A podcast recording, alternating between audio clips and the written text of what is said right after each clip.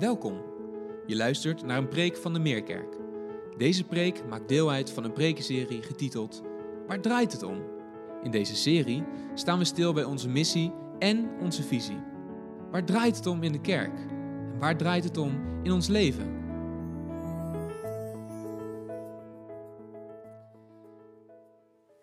Wel, hoe mooi om de lezing van vanmorgen, Johannes 15, te horen. Van een van onze senioren. En wat een prachtige klanken. Dankjewel Theo, van een lied waar ik straks nog op terugkom. En velen zullen het herkend hebben, ook tijdens de collecte al gespeeld. Vanmorgen spreken we over zegen. En dit is al gezegd, het vijfde punt in onze schijf van vijf. En die schijf is eigenlijk een uitdrukking van onze visie dat we verlangen als gemeente te groeien in woord, gebed, zending, zorg en zegen. En vandaag zegen. Nu, als we spreken over zegen, dan is dat een woord wat natuurlijk heel veel gebruikt wordt. Vanmorgen willen we zegen juist lezen vanuit de context van Johannes 15, want Johannes 15 heeft ons heel veel te leren over zegen. En dan niet de zegen voor jezelf opeisen, maar tot zegen zijn, een doorgeefluik van zegen zijn. Nu Johannes 15, ik denk het dat velen dit Bijbelgedeelte wel kennen. Bekend geworden als de gelijkenis van de wijnstok en de ranken. En als je dat alleen al bedenkt, een wijnstok met ranken, dan zijn die ranken een doorgeefmiddel van vrucht die tot zegen mag zijn. En vandaag gaan we lezen over hoeveel die zegen mag zijn. Niet een karige zegen, maar rijke zegen, zoals we het zeggen. Of in de context van Johannes 15, veel vrucht. Ik heb meegenomen, misschien heb je hem al gezien, eh, prachtig verlicht hier, een rank. Een rank van de wijnstok. En ik hou hem even zo, want hier is die afgeknipt. Deze rank is vijf jaar oud. Laten we even kijken hoe die er vijf jaar geleden uitzag. Want toen hield hier op deze plek Henk Binnendijk hem in de hand. Dat was het debuut van deze wijnrank, vijf jaar geleden. Kijk even met me mee. En uh, ja, als we dat plaatje zo bij elkaar leggen, dan denk ik dat we wel het verschil zien. En daar willen we vanmorgen over spreken. Het verschil maken in zegen. Want ik zei het, vijf jaar geleden maakte deze rank, ik zou willen zeggen, een glanzende debuut. Een eerste optreden hier op het podium, nog wel in de hand van Henk Binnendijk. Henk had hem die ochtend vers gehaald bij de kweker, of misschien de avond daarvoor denk ik, zaterdagavond. Die had hem eh, onder zijn oog geknipt van de wijnstok, want hij wilde hem zo vers mogelijk hebben. Maar je zag het. Het tweede optreden van deze wijnrank vijf jaar later is zonder glans, zonder glorie.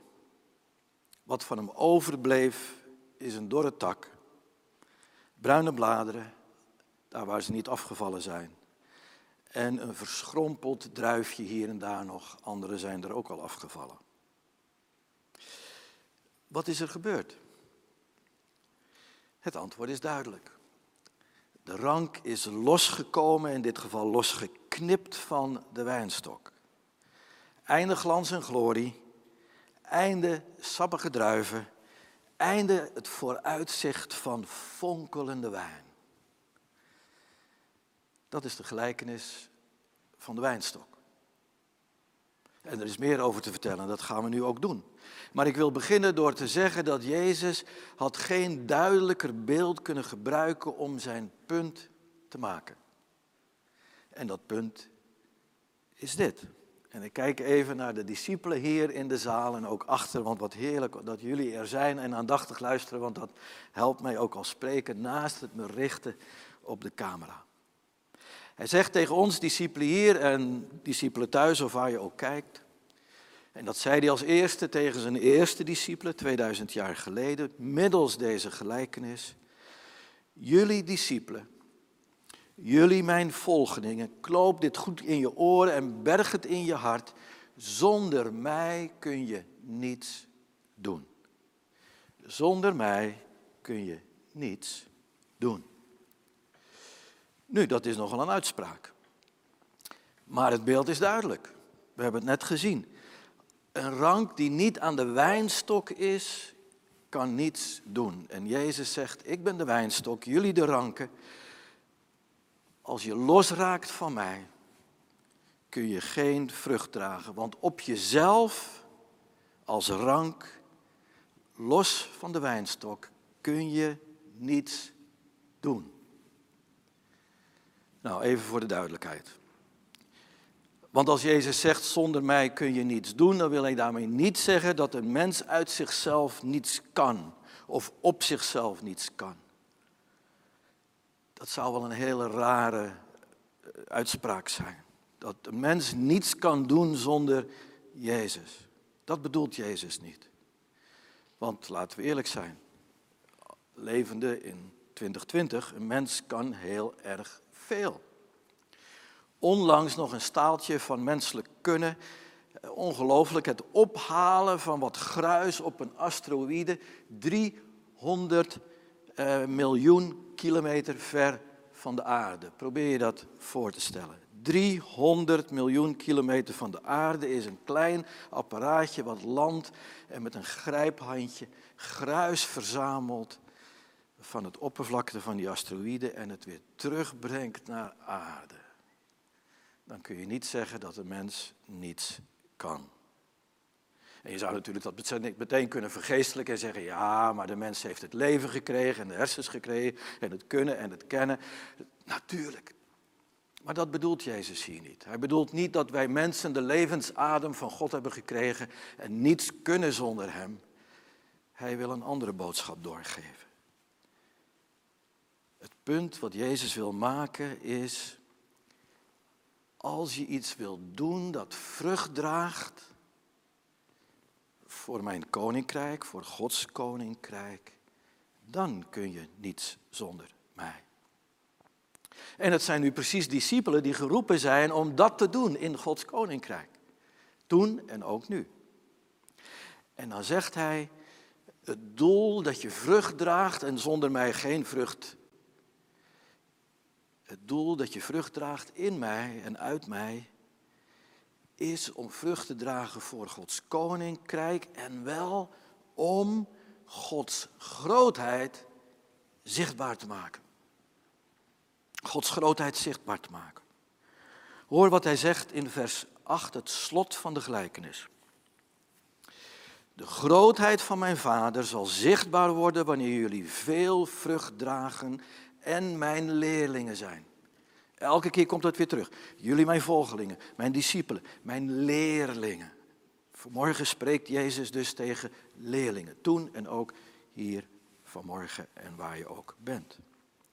Anders gezegd, en dan draaien we het even om en dan beginnen we bij leerlingen. Als jullie mijn leerlingen willen zijn, als jullie in mijn naam tot zegen willen zijn, want daar spreken we vanmorgen over, weet dan dat het mijn doel is om jullie en door jullie heen te gebruiken om veel vrucht te dragen.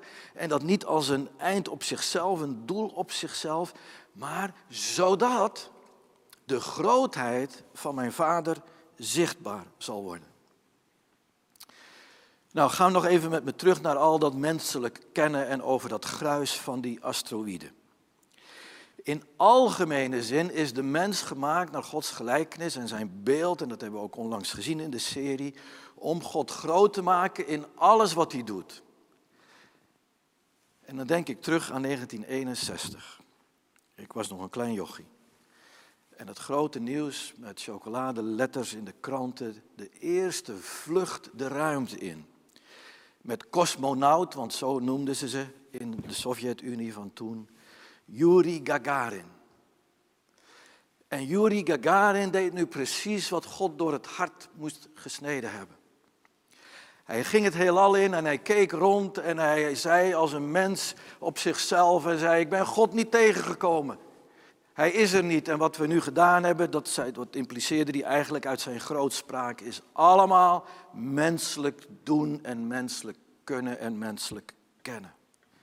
Vanuit zijn e- atheïstische levensbeschouwing wilde hij eigenlijk laten zien aan de wereld, er is geen God. En dit hebben wij als mensen gedaan. Nu, niet veel later, is er een eerste be be bemande ruimtevaart van, in westen worden ze astronauten genoemd, uit de Verenigde Staten. En ik weet niet of je dat nog herinnert, als je er toen was of later gezien hebt misschien in een geschiedenisles. Dan ineens die beelden en die stem zo krakend als in het begin, werd er voorgelezen uit Genesis. Dat God in de beginnen schiep hemel en aarde. En de astronauten bijna met tranen in hun ogen moesten constateren hoe geweldig het heelal is dat God gemaakt heeft. Zij gaven God alle eer. Nu, dit geldt voor een ieder, ieder mens. Laat niemand als mens zich verheffen boven God. Als je de Bijbel leest en de geschiedenis van mensen die dat gedaan hebben, daar is het niet goed mee afgelopen. Want God laat niet met zich spotten. Hij is de schepper en niet wij. Maar nu terug naar de gelijkenis. Bij de gelijkenis gaat het om volgelingen van Jezus, die niet zeggen, nou ik leef gewoon en, en waar ik kan vertel ik wat over Gods eer en, en dat God de schepper is. Nee, we zijn ineens mensen met een missie, met een zending. Daar hebben we ook naar gekeken eh, twee zondagen geleden. Volgelingen hebben hun leven achter zich gelaten, wat ze voor zichzelf wilden leven. En hebben gezegd, Heer, u bent nu degene die ons voorgaat. Daarom worden we ook volgelingen genoemd. Wij willen van u leren, daarom worden we leerlingen genoemd. Of een deftiger woord, discipelen. En dan zegt Jezus, als dat is wat je wil, als dat is wat je verlangt, als dat de roeping is. We zijn geroepen, hebben we ook in de serie gezegd, geraakt en geroepen. Dan, dan wil ik eigenlijk dat je goed begrijpt, in je oren knoopt, in je hart bergt en verankert. Dat er maar één manier is dat jullie echt vrucht kunnen dragen, die tot de grootste zegen is als volgeling van mij. En dat is ja, gewoon maar een rank zijn. Maar niet een rank op zichzelf, een rank die aan mij vastzit. Ik, zegt hij in deze gelijkenis, die de wijnstok ben. En hier leert Jezus zijn discipelen een belangrijke les, een les voor elke volgeling, ook voor ons vanmorgen. Een rank kan niets, tenzij hij vastzit aan de wijnstok. En het bewijs, hier hebben we het bewijs. Dit is een dode tak die geen leven, geen vrucht voortbrengt. En Jezus zegt, zo is het ook met jullie. Zonder mij kun je niets doen. Nou, ik kan het blijven zeggen, maar het beeld is natuurlijk duidelijk. Een rank los van de wijnstok houdt op vrucht te dragen. En waarom? Hij kan geen levenssappen meer ontvangen om door te geven, uiteindelijk om die vrucht te doen groeien en bloeien. En dat is een geruststellende gedachte voor ons. Als het gaat om Gods koninkrijk. Daarom hebben we pas ook gekeken naar Onze Vader. Uw koninkrijk komen, uw wil geschieden. Het begint met het koninkrijk.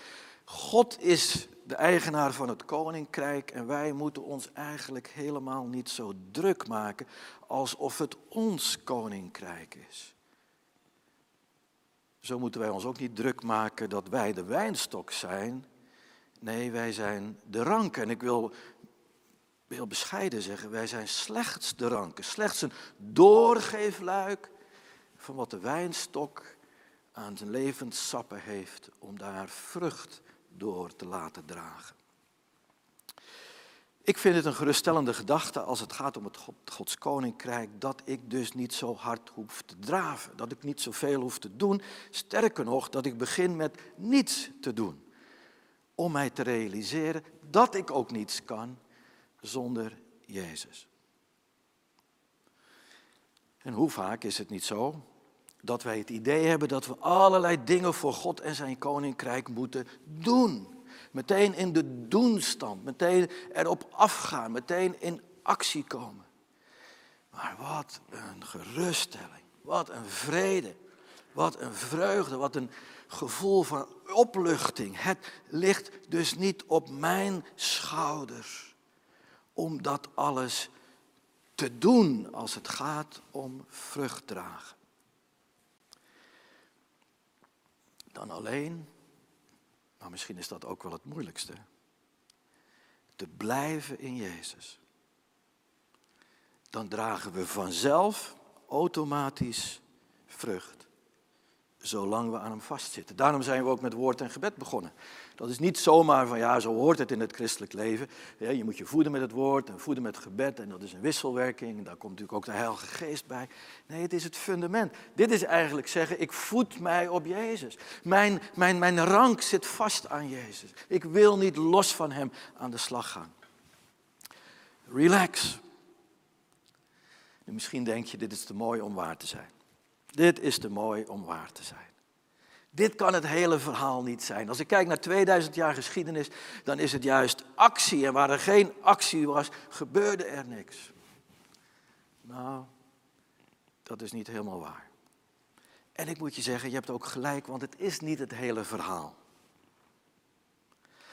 Want het hele verhaal is pas compleet als je begrijpt één heel klein woordje in vers 8. En dat is het woordje veel. De grootheid van mijn vader zal zichtbaar worden wanneer jullie veel vrucht dragen en mijn leerlingen zijn. In dat woordje veel spreekt Jezus over het feit dat de wijnstok niet zomaar ergens in het wild groeit, waar die lekker zijn eigen gang kan gaan, een beetje gewoon zelfstandig. Ik wil gewoon een wijnstok zijn en ik doe mijn eigen ding en ik maak zelf wel uit uh, wat er uit mijn leven voortkomt. Ik wil, wil, wil gewoon de regisseur van mijn eigen leven zijn. Laat mij maar mijn gang gaan, laat mij maar in het wild groeien. En, en, en, en ja, zulke discipelen heb je ook. Die denken dat ze op zichzelf gewoon het wel kunnen klaren, iets van Gods koninkrijk betekenen. Maar nee, het verhaal en de gelijkenis is dat deze wijnstok staat in een wijngaard. En een wijngaard is heel bewust geplant. En die wijngaard wordt niet aan zichzelf overgelaten, maar daar is een wijnbouwer, een landman, een wijnboer zo je wil. En die wijnbouwer, die wijnboer is God de Vader.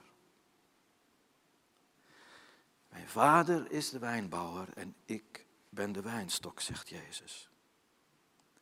En als er één ding is wat een wijnbouwer niet doet, dan is het zijn wijnstok gewoon maar zijn gang laten gaan. Wees maar lekker jezelf. Doe maar lekker je eigen ding. Nee. Nee, een wijngaardenier wil één doel bereiken.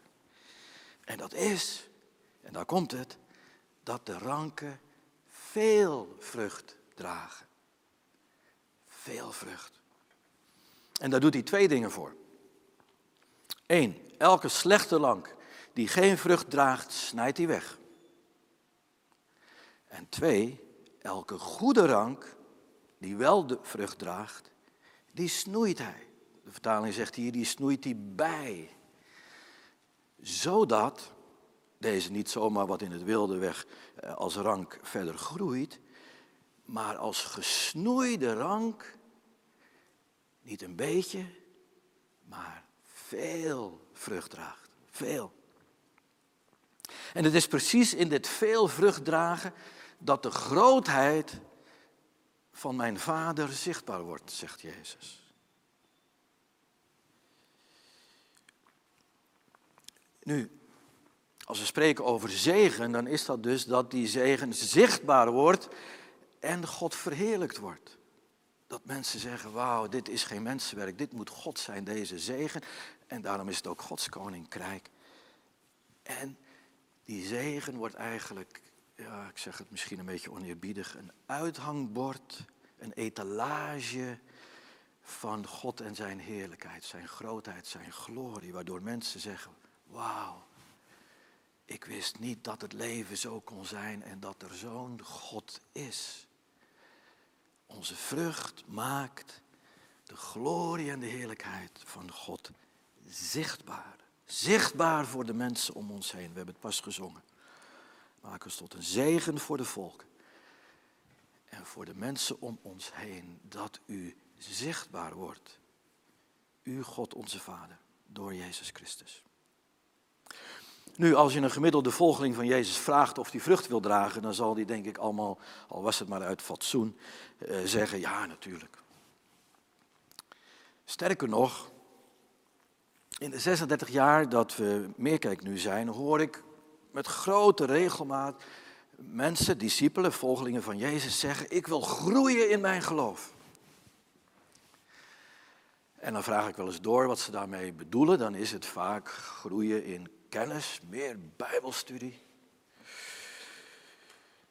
Maar als ik dan de vervolgvraag stel, ja, maar die groei is toch niet om kennis op te doen, die groei is toch om vrucht te dragen. En soms vertel ik erbij van de wijnstok en de ranken. En dan zeg ik, zou jij vrucht willen vragen? Nee, zeg ik dan, zou jij veel vrucht willen dragen? Tot grote zegen zijn om God zichtbaar te maken. En dan, dan, dan is vaak het enthousiasme al iets minder. En dat enthousiasme wordt nog minder als ik vervolgens zeg, als je dat zou willen, veel vrucht dragen, ben je dan bereid om voor die groei als een rank gesnoeid te worden?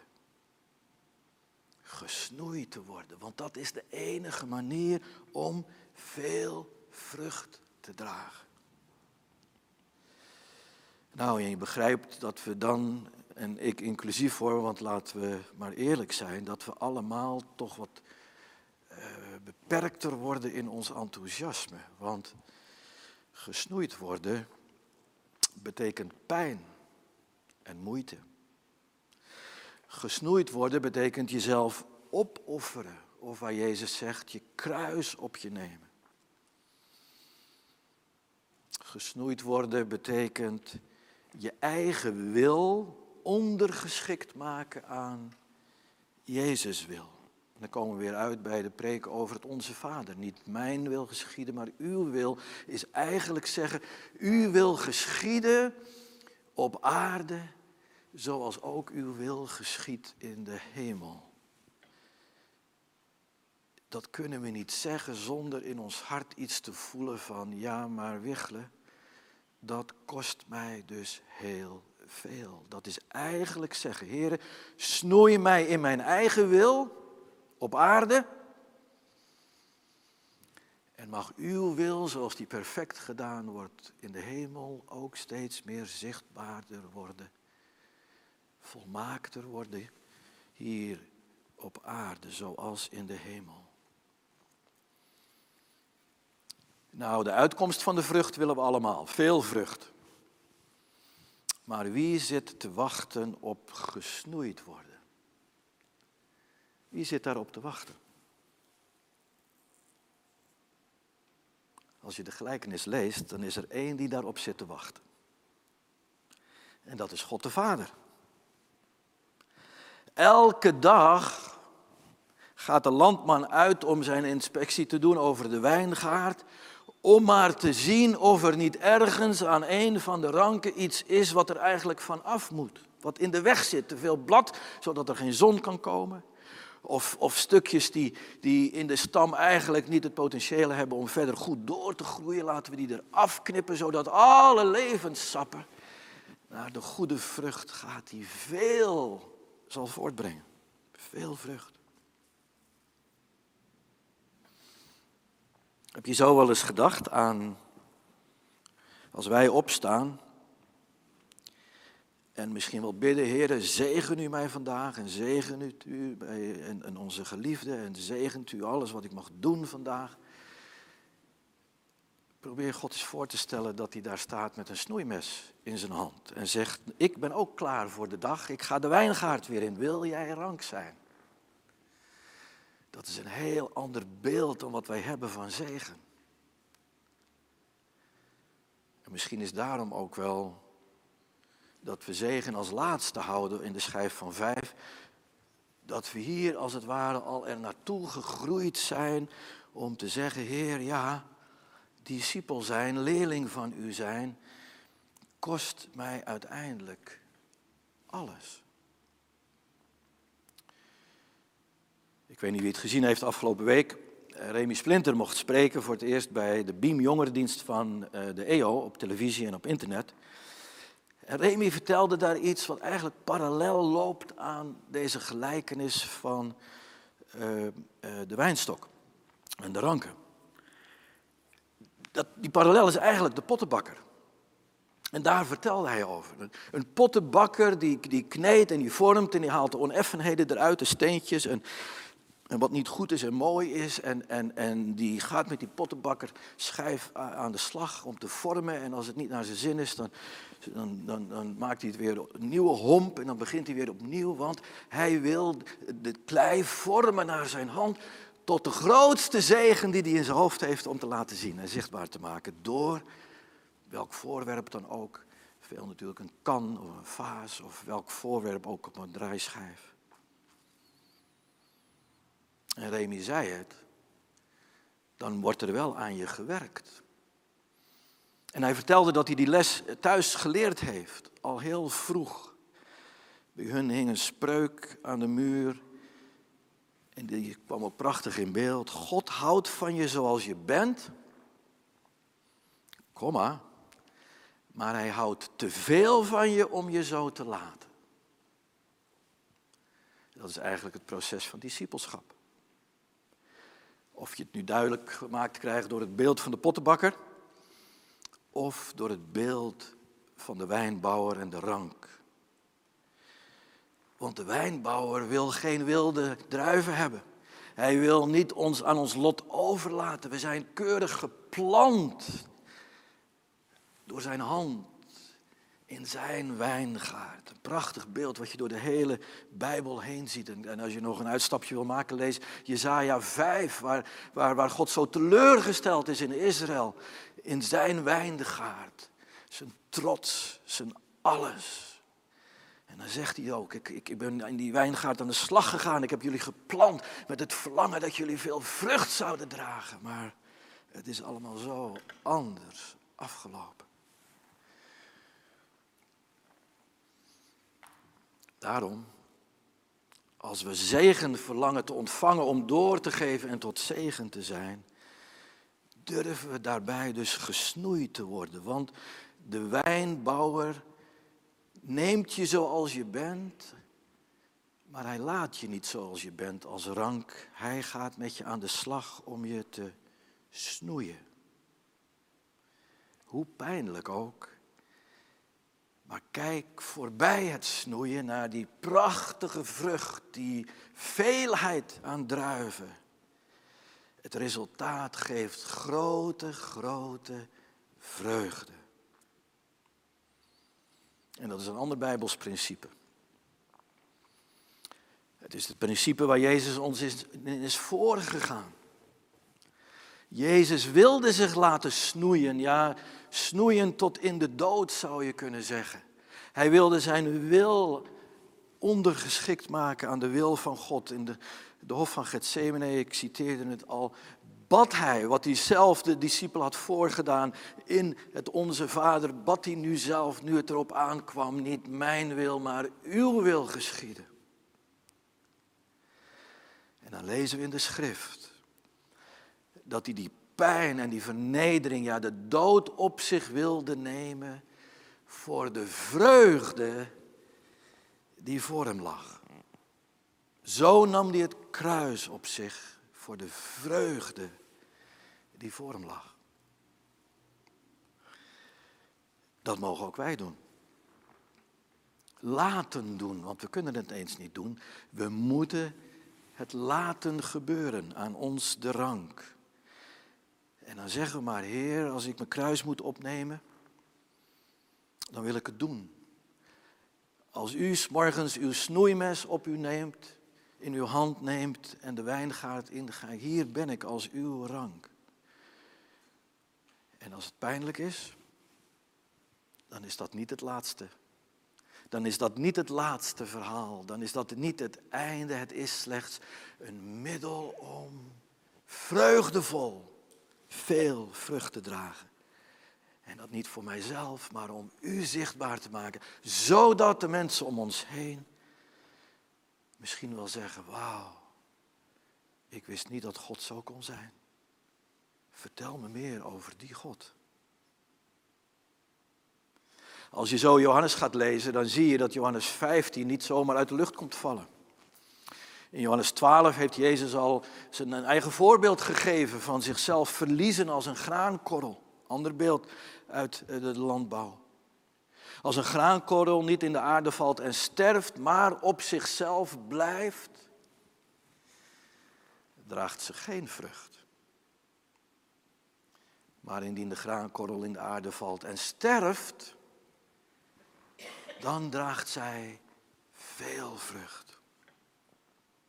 Daarom als we vandaag spreken over de zegen van veel vrucht dragen, dan is het zijn en blijven als een rank in de wijnstok, samen in combinatie met de bereidheid en de gewilligheid om onze wil over te geven aan de Vader, de bereidwilligheid, de gewilligheid om gesnoeid te worden in ons eigen ik en onze eigen ambities en onze eigen wil. Ja, om uiteindelijk te sterven aan onszelf. Essentieel. Ik zou bijna willen zeggen cruciaal. Om veel vrucht te dragen. Nee, we kunnen niets doen dan alleen blijven en zijn en zijn en blijven in de wijnstok. En de bereidheid en de gewilligheid om als rank gesnoeid te worden dan zullen we tot grote zegen zijn met veel vrucht. En ik moet je zeggen, daar komt nog een geweldige bonus bij. Ik wil het geen bijproduct noemen, maar een tweede doel zou je kunnen zeggen. Een afgeleid doel. Probeer nog even deze gedachte met me te volgen en dan zijn we klaar. Als het doel is dat Jezus verheerlijkt wordt, door de rank heen en daarmee de heerlijkheid aan God de Vader geeft, zodat die glorie en die heerlijkheid van de Vader zichtbaar wordt, dan word je daar zelf ook gelukkiger van. Dan word je zaliger van. Dan word je gezegend door. Als we God groot maken en zegenen, dan worden we ook zelf gezegend. Wie laaft, wordt gelaafd. Wie zegent, wordt gezegend. Of zoals Jezus het zelf zei, het is zaliger te geven van jezelf dan het naar je toe te trekken om te ontvangen. Je bent zaliger een kanaal van zegen te zijn dan te zeggen, wil jij een kanaal van zegen voor mij zijn? En dan zijn we weer terug bij Johannes 12. Je wordt rijker door je leven te verliezen dan door het te behouden en je eraan vast te klampen. En dat betekent ook dat zegen, als we daaraan denken, dat we altijd eerst denken aan zegen voor een ander, voordat we denken aan zegen voor onszelf. Want het geheimenis, het mysterie, de bonus, het bijproduct, zo je wil, van een ander zegenen, is dat je zelf gezegend wordt. Wonderlijk. En de Bijbel is vol van mensen die opgeroepen worden om tot zegen te zijn en daarin te volharden. We zijn gezegend om te zegenen. Volhardend, blijvend in de wijnstok. Bereid om gekneed te worden, gesnoeid te worden. En als je zo je dag ingaat, en zegt, Heer, ik wil tot zegen zijn. En ik wil volharden, ook waar het pijn doet. Dan gebeurt er iets waarvan Paulus zegt, dan is dat nooit te vergeefs. Ik heb die tekst ooit als 17-jarige meegekregen van Corrie ten Boom. 1 Korinthe 15, vers 58. Dat we volhardend zijn, niet opgeven, hoopvol zijn, doorgaan, wetende als rank aan de wijnstok, bereid om gesnoeid te worden, dat onze arbeid in de Here niet te vergeefs is. Nou, wat is arbeid in de Here? Die term in de Here is niet anders dan dat je zegt, ik wil wijnstok zijn in Jezus. Of ik wil rank zijn in Jezus, de wijnstok. Ik wil rank zijn in Jezus, de wijnstok.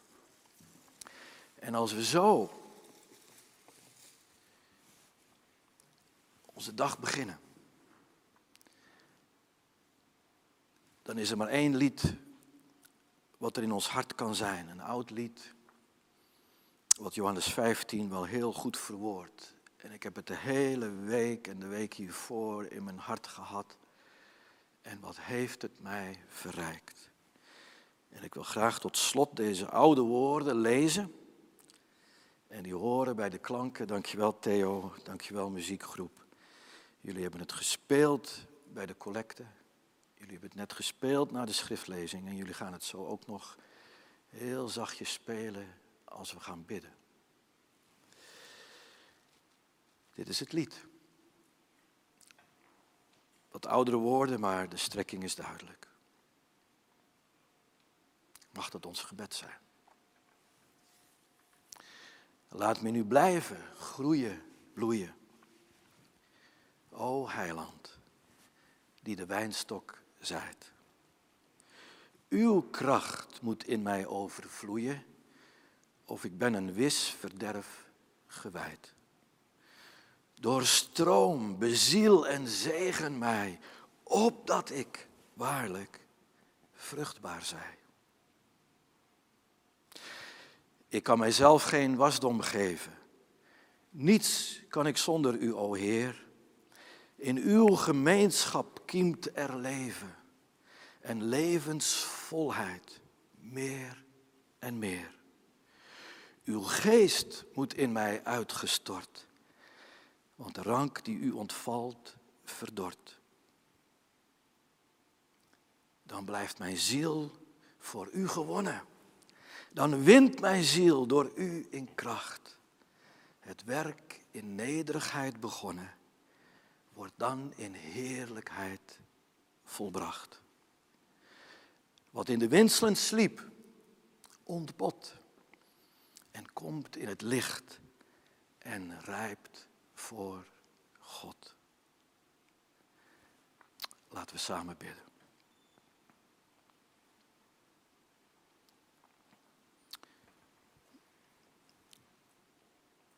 O Heere, we willen een moment stil worden.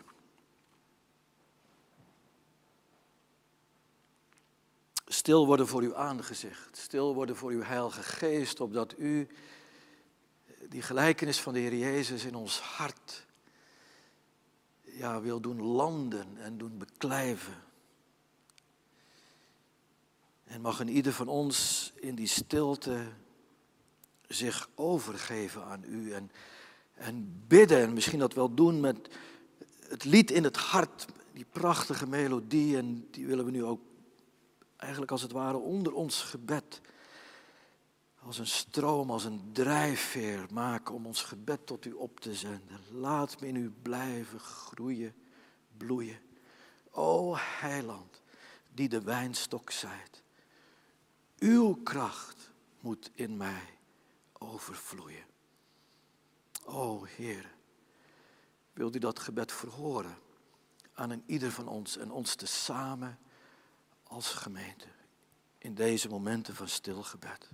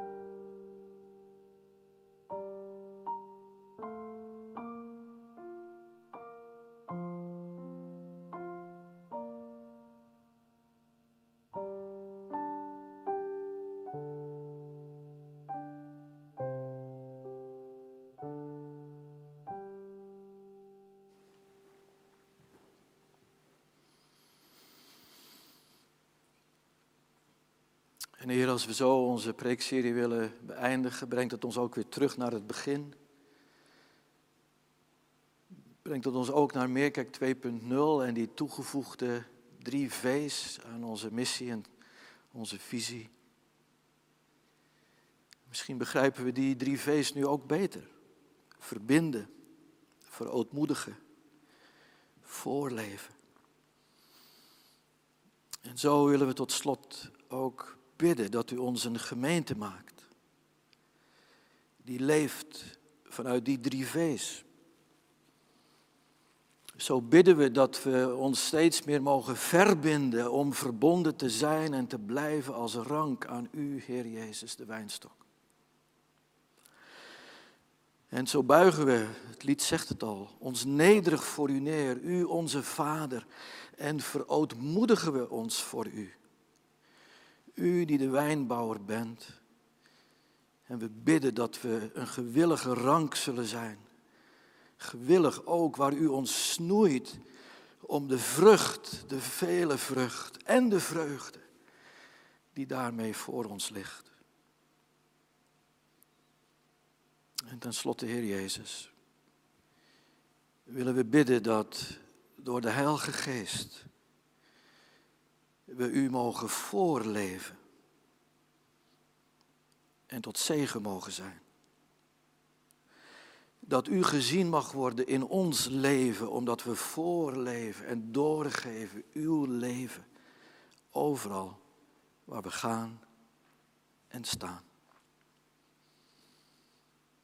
En zo onze drie enige God, Vader, Zoon en Heilige Geest.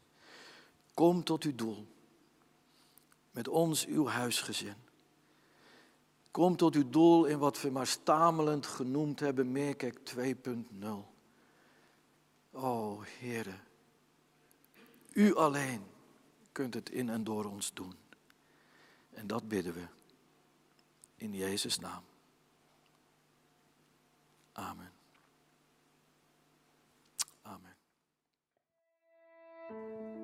Fijn dat je hebt geluisterd. Voor meer informatie ga naar www.meerkerk.nl.